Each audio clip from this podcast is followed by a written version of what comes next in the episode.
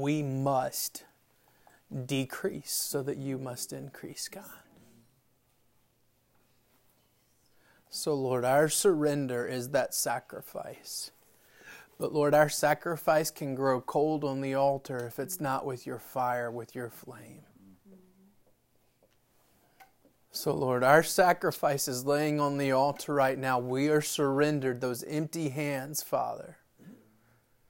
And we're saying, fill us up. But Lord, not just so that we would have a full feeling, God, but that we would be poured out, Lord. Lord, Lord, that is our desire. Lord, the, the, the lies, the insecurities, the things that get in the way that try to tell us that we're not good enough and we shouldn't even desire it. Lord, no, our desire is that. That's your desire. So, Lord, let's come together. And God, we just, we're in all of you today.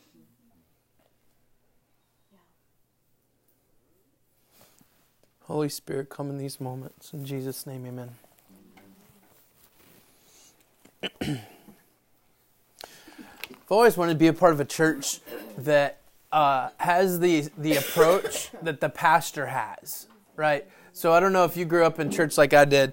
I always had this pedestal concept of the pastor. What does the pastor do on Sunday mornings before church, right? And um, we had this different pastor would be a good way. I only worked for him for a couple months. The Lord had different plans for us, and um, and he he wanted the very first meeting that we ever met him. Hey, nice to meet you. He sits the entire staff down and walks through his like hour by hour schedule that he has to keep just so that he can stay somewhat sane. And he, I'll never forget because I'm I'm still young in ministry, and it, growing up, I always wondered what does the pastor do. Now my dad's a minister, but he wasn't the pa- what does the pastor do on Sunday mornings before church? Like how does he prepare himself? What does he go through? Like the ritual concept, and um, this pastor says he gets up at five o'clock on Sunday mornings and has to have a bowl of Honey Nut Cheerios. And then he brushes his teeth after or before he eats the the bowl of Cheerios, and then he brushes his teeth after he eats the bowl of Cheerios. And like we freaked out. This dude brushed his teeth between sermons, kind of thing. Like, this is what's wrong with you, dude? Like, got bad teeth? What's going on? But this this like like the veil was pulled back a little bit on why do why do I have this weird concept that a pastor is doing something that we shouldn't all be doing, right? And so I find myself on Sunday mornings. Now we had a different Sunday morning because I meet with a few of you um, every now and then on Sunday mornings, but I find myself praying the thing that we just sang. Lord, I'm stupid. I, I don't want any of me. I want to be fully empty of Ryan Fill me up so then I can pour out. What if we had an entire church where it wasn't just the pastor praying that, you know? Like, like, like I don't want to be the pastor, just the only one praying that. Like, that is what church is. That's who we are. That's our identity. Our identity is to be filled up in order to be poured out. And and my goodness, what what is the Lord doing in those moments? If if we don't get up and eat our bowl of Cheerios, but we get up in the routine every day, not just Sundays, because Sundays are secondary. What if we get up every day? Lord, I'm empty. I'm providing the sacrifice. The sacrifice is this shell of a human, empty. Now fill me up. And then ultimately, I want you to pour me out. Um, hey, if you have your Bibles, turn to Matthew chapter 5. Hopefully, you're reading through the reading plan with us. Job's almost done, okay? We're almost through Job, right? Um, and the reading plan has been so good because I love reading the Christmas story when it's not Christmas time. Like, that's always fun. But um, Matthew, we're in Matthew, and I think maybe tomorrow or the next day we'll be in Matthew chapter 5. I'm going to um, walk through a little bit of the beginning of Matthew 5 today. But in the concepts of like, what we understand of Scripture. I'm going to say a couple. How many of you were like me and you basically grew up in church most of your life? Okay? Okay, it's like half the room. Half the room kind of grew up. So we have these church language that we really don't even understand. Like I used to say this when I was in student ministry. I, kids that grew up like I did, and they would sing, I'm washed in the blood of the Lamb, teenagers, and then they like, hey, if you said that to your friends at school, what are they thinking you're doing on Sunday mornings, right? right? Like, washed in a lamb's blood? What's, what are y'all doing, right? Like, or um, the, like the whole concept of communion, like what's going on there? You know, like all those different weird things.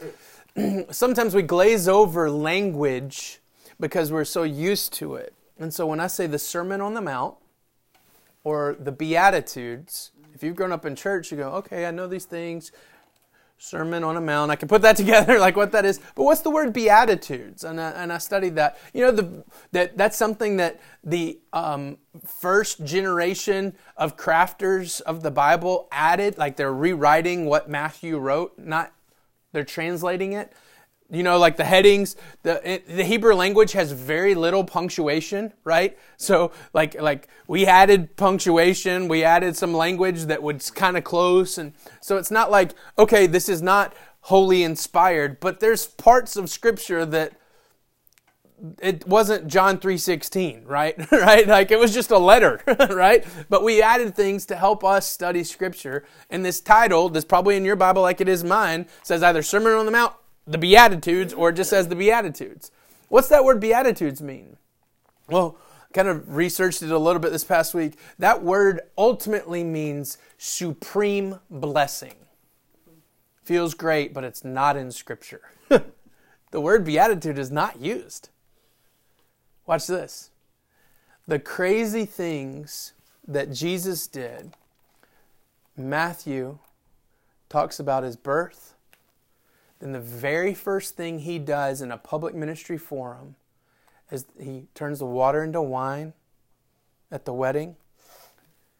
And then he is baptized by John the Baptist.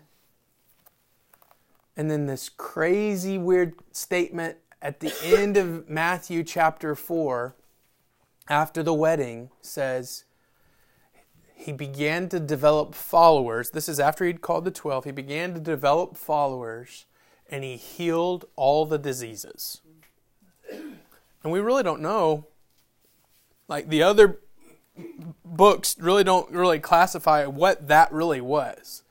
But then we jump into Matthew chapter 5. Jesus has said very few things. It's not been this long teaching concept. The Sermon on the Mount is the verse first large scale teaching that we know of from Jesus. And ultimately, the Sermon on the Mount starts in Matthew chapter 5 and goes all the way through Matthew 7. Watch this. You know what Jesus does with his very first public teaching?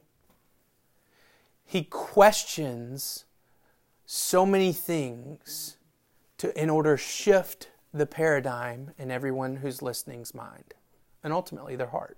Watch this.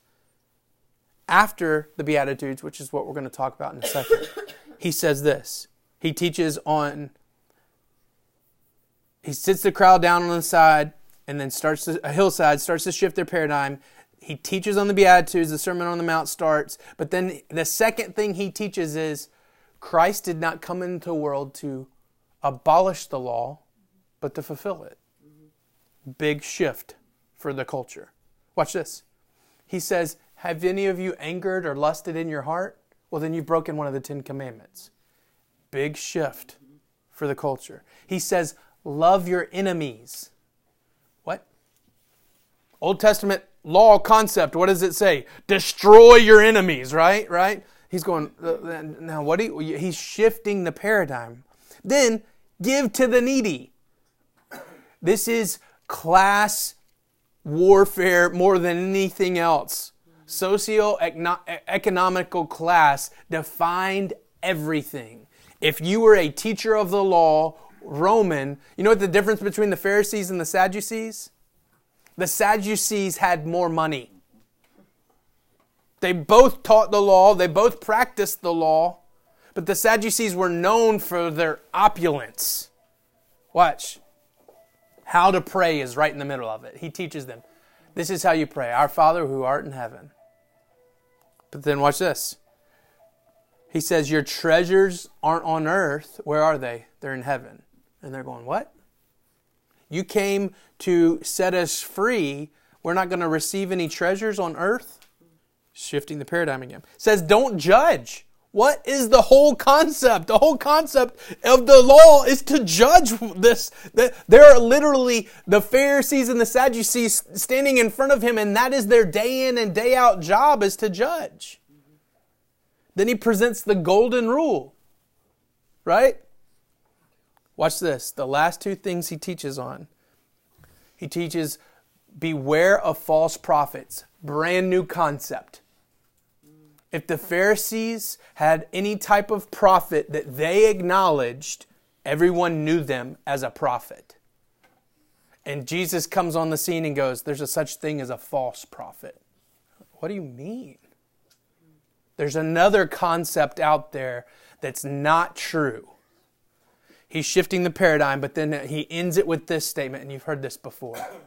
This is in the end of Matthew 7. He says this Those who don't shift their, this is Ryan paraphrase, those who don't shift their, par, uh, their paradigm, in the end, they will cry out to me, Lord, Lord, and I will say to them, Depart from me, I never knew you. Jesus' first sermon, he stands up in front of everyone and literally shifts their whole worldview on how they perceive Christ, one another, church, money, treasures, and giving to the needy, judging, false prophets. What is that? And then even it's not knowledge based, it's an intimate relationship. Then I love this. After the Sermon on the Mount, he walks off the mountain and literally comes up to a leper and touches him. Something not anyone would have ever done in the culture.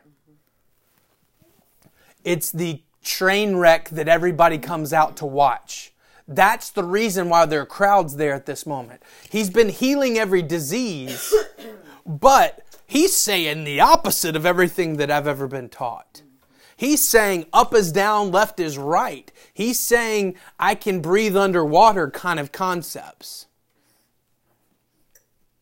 But he starts with the Beatitudes. I told you that word is not used in Scripture. The word that's used is a Greek word. Jesus says over and over again, and you know the blessed are the poor in spirit. Blessed are he keeps using that word blessed. That word blessed and it maco I want macaroni is what I want to say. Macaroni.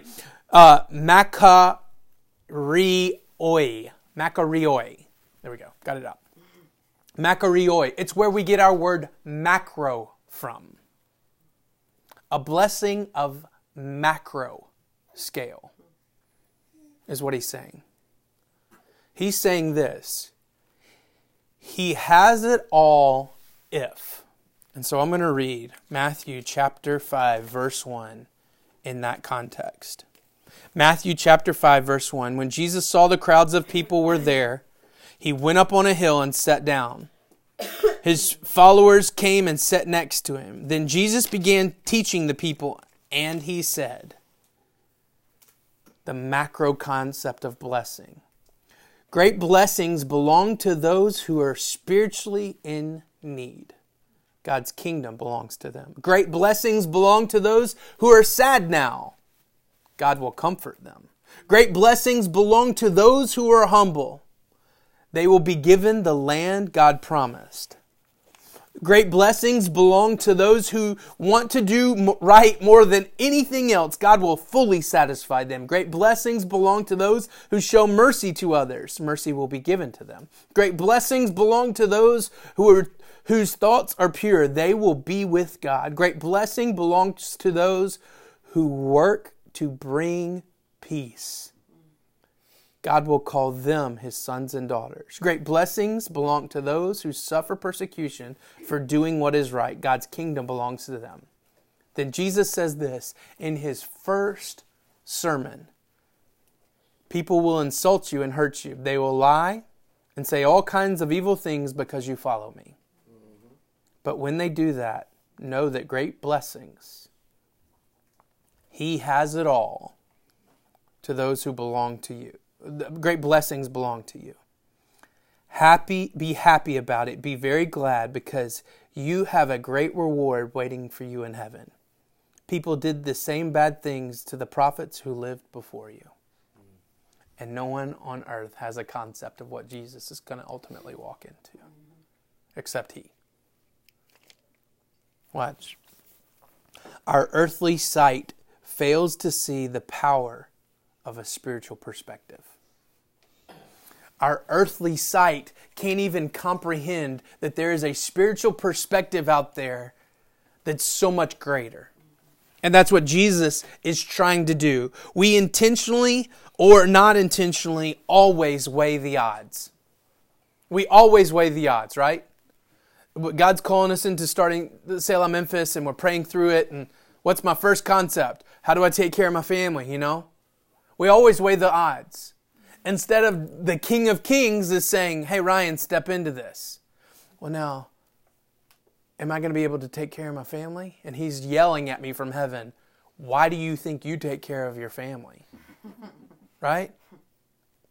I call you my kids.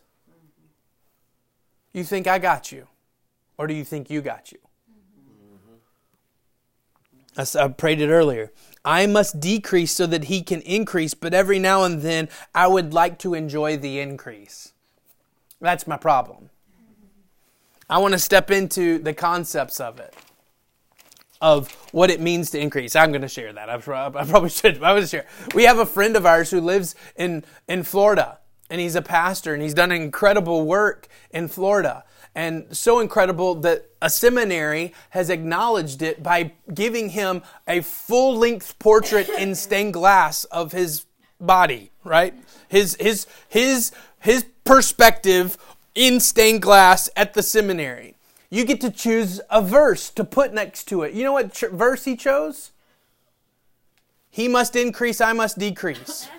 And he's in a stained, it's not Jesus on the stained glass, it's him holding the Bible, right? And like, I, I think I sent it to Jason. I'm like, dude, look at this. This is crazy. Does he not realize, God, you can increase, but I want a little bit of that increase too? Oh my goodness, it's so easy for me to point some something else out to somebody else, but I know in my own heart, I grab for the increase as much as I can. We think it has something to do with pos- prosperity versus poverty. We think that Jesus is saying, I'll give you prosperity, great blessing, if you have a poor spirit. And that's not what he's saying. He never thinks in the concepts that we think of weighing the odds. We think the Beatitudes are how to interact with the rest of the world, like the rest of his sermons on. But in fact, the Beatitudes are just how we're supposed to interact with the Father. The rest of his sermon, the things that I listed to you, I didn't come to abolish the law, I came to fulfill it. That's how we interact with God. How you interact with yourself. Do you anger in your heart? Do you lust in your heart? Love your enemies. Give to the needy. Don't judge, golden rule, false prophets. These are all things on how we interact with one another. But the Beatitudes, the beginning of the sermon, the invitations at the beginning. He's saying this. He's saying, here's how you interact with me. I've got stacks on stacks on stacks of blessing. And great blessing will be yours if you understand that you're spiritually in need. That's the first one. If you understand that there is a spiritual need inside of you, hey, guess what? I'm going to turn this key and this flood of blessing is going to come. And he says, those will inherit my kingdom. The Beatitudes are not something that we should read so that we interact with one another in a better way. Uh, blessed are those who are humble. It's not that I go and treat you with humility. I better approach the King of Kings with humility, is what it's saying. And then everything else changes down line. Jesus is starting his sermon with the most important part the invitations on the front end. The choice is to see and act through the spiritual because none of these perspectives are natural. Those who say, I have a spiritual need, understand that they're crushing something that's saying, I don't. I wake up in the morning thinking, I'm good. I'll wake up in the morning thinking, I got this. But when I come to the point where I realize I really don't, and it's not even, I've, I've grown up enough to where I, I, I, don't even have to have something bad happen to me anymore, right? God did bad things, Ryan, you don't understand, you don't understand, you don't understand. I don't get spankings from God too often anymore because I understand if I wake up in the morning and go, God, I'm an idiot. I need you to spiritually fill my heart. Then I don't need the spanking because I've already started in that thing. Now I'm going to step on my toe and say something stupid and have to go apologize to the person that said something to and then ultimately to the Father. But watch this. I love this. Confession is different from for asking for, for forgiveness. You ask for forgiveness one time with Jesus. He provides forgiveness one time. Confession is realigning with God saying, This thing that just happened that I did, I know is wrong, you know is wrong, and we need to agree. And that's what confession is. Is agreeing with God that the thing that happened is wrong. I don't need to ask for forgiveness anymore from the Father. I still do because I because I desire like Lord I'm really sorry I'm really sorry I'm an idiot I ha- because there's this thing inside of me that knows the gap between he and I but the Lord is just asking for confession of sin. God, I messed that up. I know. We're on the same page again. I'm sorry.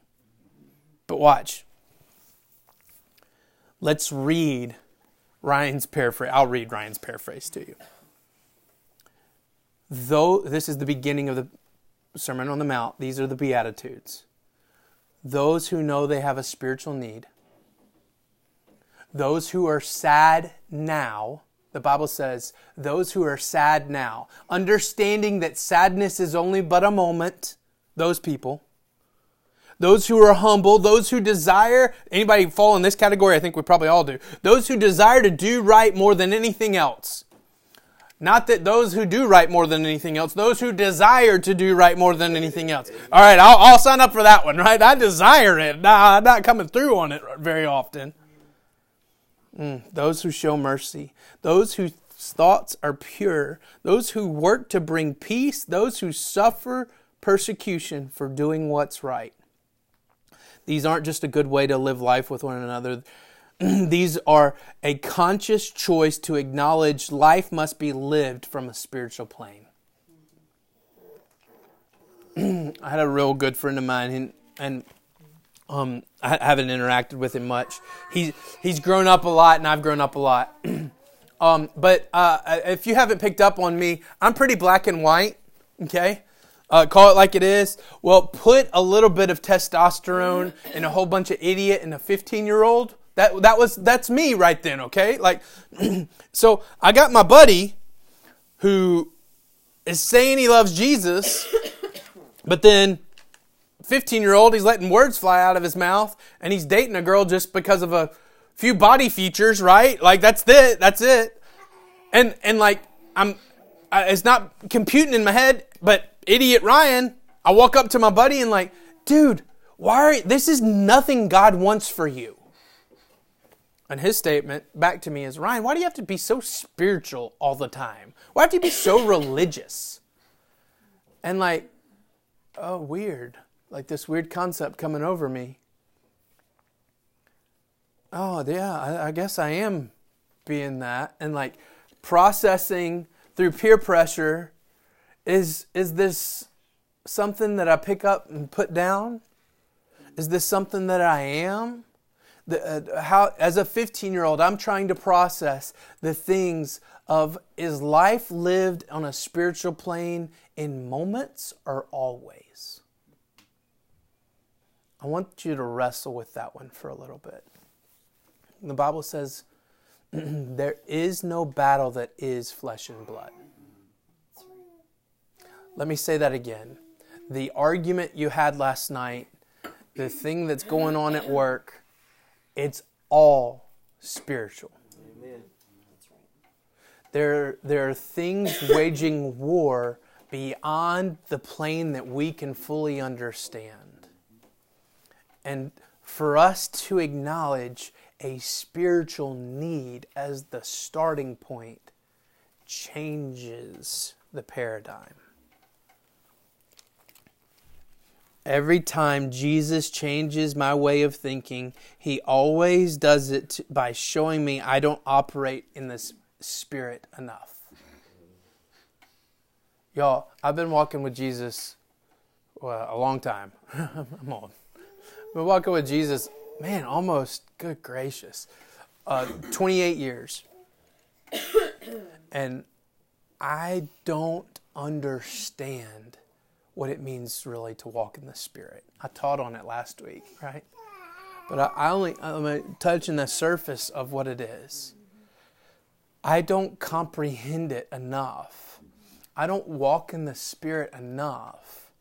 And every time God gives me a sermon on the mount that changes my paradigm a little bit, He's illuminating, oh, there's so much more, and I didn't realize it. That's what's happening to the people on the hillside. I love it. I've been there. It's a banana farm now. And there's these banana trees growing, and it is the most natural amphitheater. God made it for that moment. Hey, Jesus, where do you want your first sermon to be? There, right? Like that. And you can just envision these people sitting on the mountainside as he's teaching, going, Oh my goodness. The law isn't to be something that's overthrown. The law is founded in a person, like the light bulb taking place in. Oh my goodness, love our enemies. That's what a good God looks like. Do you see it? They're seeing God in flesh, and He's shifting the paradigm so that He can illuminate how much greater the Spirit can be in your lives. The prosperity of God is never found in things that aren't eternal. Let me say that one again. The prosperity of God are never found in things that aren't eternal. We had the joy and privilege of Anne's parents being in town this week. Um, yeah, it might have been not fully, fully into that statement that I just made, but um, joy and privilege of Anne and Anne's parents being in town this week.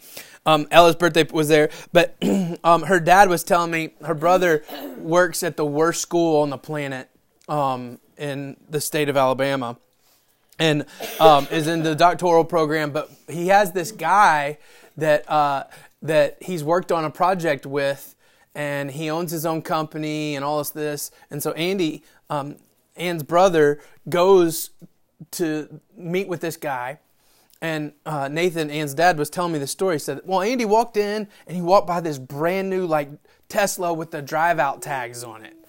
And so Andy got in, started the meeting, and joking with the guy said, Hey, nice Tesla, thinking it wasn't his. And he goes, How'd you know it was mine?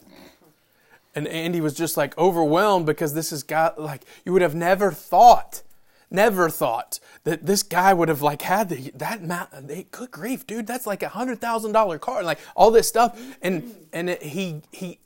and Ann's dad made the statement he, that he's so generous and stuff like like how does he even have the money to do that right something of status that is prosperity is high on our list so Ann's dad shares that story with me and then I get to share a story about another guy who was not of the same attitude who had the, label pastor and he had just bought a brand new Tesla. And I'm going, what are you doing? Like, like this doesn't seem right. And I, I, t- I told with Ann's dad that he talked about how God had blessed him with this unbelievable thing because of all the hard work that he had done at school. And I'm not knocking cars or blessings or anything like that, but God's blessing of prosperity is never in something that's going to age, burn up wood, hay, and stubble. God's prosperity that He speaks of is always eternal. Look at it. Those in spiritual need, what do they inherit? God's kingdom belongs to them. Those who are sad now, the God of the universe will comfort them. Those who are humble, given the land that God promised. Those who desire, I love this, those who desire to do right more than anything else, God will satisfy them. Don't you, don't you see yourself just striving in that concept to do right, do right, do right, and the Lord just going, and satisfying you? Those who show mercy, mercy will be given to them. Those whose thoughts are pure, they will be with God. Those who bring peace, God will call them sons and daughters. Those who suffer persecution for doing what's right, God's kingdom belongs to them. God's blessings last forever. Watch this. God gave us this house. We got to share last night with uh, somebody we hadn't seen in a while. The cool story of how God's given us this house. But y'all, I don't think this house is prosperity from the Father because of my heart. The things that have happened in this home are the eternal things that God's prospering us with. Do you see it? You see the difference? God gives us things that we use in order for the prosperity of the eternal to come. We begin to see his blessings through that lens, then we don't care how big or little the value of a thing is, as long as it's a conduit for God's eternal blessing.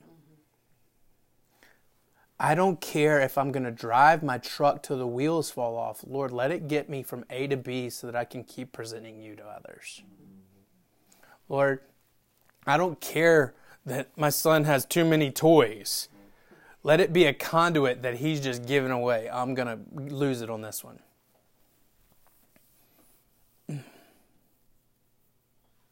Ella's birthday's this past week and you, well, you get birthday cash, right? Anybody still get birthday cash? I'm 37. I still get birthday cash. Like, yeah.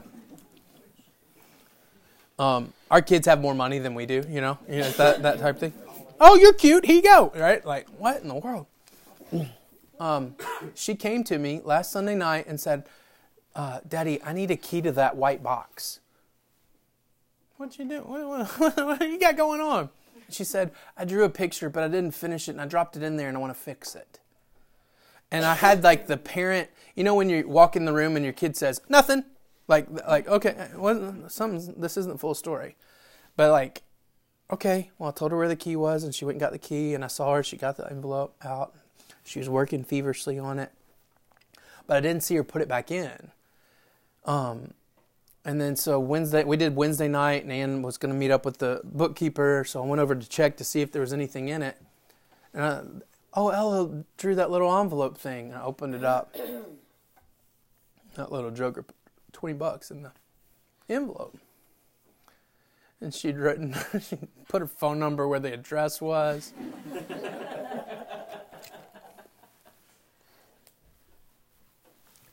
she wrote the E to her name and then decided not to write the rest. And so last night I said, hey, I almost I probably felt like she was getting in trouble. I'm like, hey, did you did you do that? Why'd you do that? And she went, I, wanted to give it to the church. Like she thought she was in trouble. And I said, um, you know, your daddy doesn't like that because I want to give it back to you and say, no, you keep your money. But I said, I know how good our God is, that He sees your little heart giving that money. So I think you need to give it, and he's going to give you something a lot better. Thanks, Daddy. she goes upstairs, and I'm like, whoa, you know, losing it. I'm losing it. I can't breathe. Um, I know I'm using a personal example. I'm not a hero in any capacity. Ella's the hero, right? But but a twenty dollar bill is a conduit for God to do an eternal thing in my daughter's heart, right? And for me to pull the thing, well, well, God's not going to bless you like a $20 bill, is ultimately what I'd be teaching my kid. No, you better give that $20 bill. I asked her, like, why'd you do it? She said, God told me to, you know. The concept of what's the conduit for the eternal thing that God's trying to do. What's the conduit? What's, what's the flow? What's the river that God's placed in front of you so that He can flow the eternal blessing? And it's not Teslas and $20 bills. Those are the conduits to do the thing, right? I'm not throwing stones at someone driving a Tesla unless they're not walking in these attitudes with the Father, right? If they're walking in a mindset that's that I gotta get mine, you know, oh, that's not the conduit that it could be. God blesses those who acknowledge a spiritual need And then he says, the kingdom of God belongs to them. He starts the first one. Those who have spiritual need, the kingdom of God belongs to them. The last one. Those who suffer persecution for doing what's right, God's kingdom belongs to them. So wait, those who acknowledges spiritual need and those who go through persecution get the same thing? Like I was a little weirded out by that. Like, God, why are these two things connected like this? And I think it's because this. God blesses those who change their earthly outlook to a spiritual perspective. When I realize I have a spiritual need, God gives me the kingdom of God. And then when I go through persecution and I see it as that versus, oh my goodness, my life's falling apart, I see it as persecution. God gives me, if I see things through the spiritual eyes, what do I do? I step into what God's calling me to do. I step into the blessings that God has. If I don't th- see things through the spiritual eyes, my goodness, y'all. If I don't view things through spiritual eyes, if I look at earthly things, I'm dealing with the right now. Look at your earthly things. Look at the things that you're dealing with right now. What if your perspective changed? What if your paradigm changed? What if you realize there's a macro kind of blessing that God's using in those concepts? Uh, well, y'all, y'all know I've had weird health stuff going on. Uh, uh, all sorts of weird stuff. I've got to use my perspectives because I know too many other stories. So I'm sorry. I, I've got weird, weird health stuff going on. We're not totally sure what it was, like autoimmune thing, all this stuff. And then come January, I feel like the Lord's like, we're done with that. I'm like, sweet. And then since January 1, I, this isn't me. I, I, have not been sleeping. Like, I'm, I'm not, can't sleep well. Like, all sorts of weird stuff's going on. Even last night, like last night, I'm like, Lord, it's Saturday night, Sunday morning. We got a big day, all that stuff. And I pulled a muscle or something in my elbow, uh, uh, probably Thursday, working out, and I couldn't sleep and I'm just like battling with the enemy. Like, this is what happens to me in the middle of the night. I'll wake up, have a thought, that'll turn into another thought, then turn into another thought, and all of a sudden, all of you hate me, right? Right? Like that thing. Like, like, like, uh, uh, or or like last night, last night I've got I, y'all. I did biceps on a machine, and I know that I, I like double maxed out, right? Like I know that I did too much. I know that I did too much on Thursday. Last night my elbow's hurting. This is this is Ryan at 1:30 in the morning. Thought the enemy lying to me. Left arm, elbow. Oh, I'm having a heart attack. Right, right. That's what's happening. And and then I couldn't get s- settled uh, poor Ann didn't probably get any sleep either because, like, I'm trying to rub it, and it's one of those that you just you your hand knows it can't rub it right. So I'm like waking her, hey, you got to rub my elbow. Like we're 65 years old now. and then something triggered in my mind. Uh, like I heard, I woke her up one point. I'm like, hey, I just heard somebody walking on the steps. Like what? What's going on? No, nobody's walking on the steps. The Okay, I'm the only one that does that. Right, right. Okay, sure. Watch. The thing that triggered for me last night, it, I didn't sleep better, but things changed. Of, oh, I see you, Satan. I see what's up. you know, the concept of knowing's half the battle. Knowing's the whole battle with the enemy. If I can spot what the enemy's doing, oh, I can land punches pretty easily. I was sharing with the guys this morning. Anybody ever been in a fist fight and you really want to hit somebody, you really want to hit somebody, you finally hit them, and there's a split second when you make contact with that person, it feels good. Just a split second. And then the idiot starts to happen when you pull your hand back and put it back down. Like, oh, you stupid moron. However, when I land a punch on the enemy, uh, it's a high and I want to go back for another punch, and I want to go back for another punch. So it's like at three o'clock last night, I'm going, ah, oh, I got you. Then from assuming what's taking place, I'm having a heart attack, the boogeyman's in the closet, all the crazy stuff. I stepped into, Lord, I bless tomorrow morning. I bless such and such, and I bless such and such. I bless this house. You know, I bless, you know all these different things. Sometimes I wake up. We got a tree in the backyard that's like leaning, like it would be the one that would split the house in half. Like, you know, I'm waking up like, oh, the tree's about to fall. Tree's about to fall. Tree's about to fall. Lord, I, I bless that tree. We got a swing hanging off that tree. The kids are making memories out of that tree. Suck it, Satan, right? Like, so watch, watch.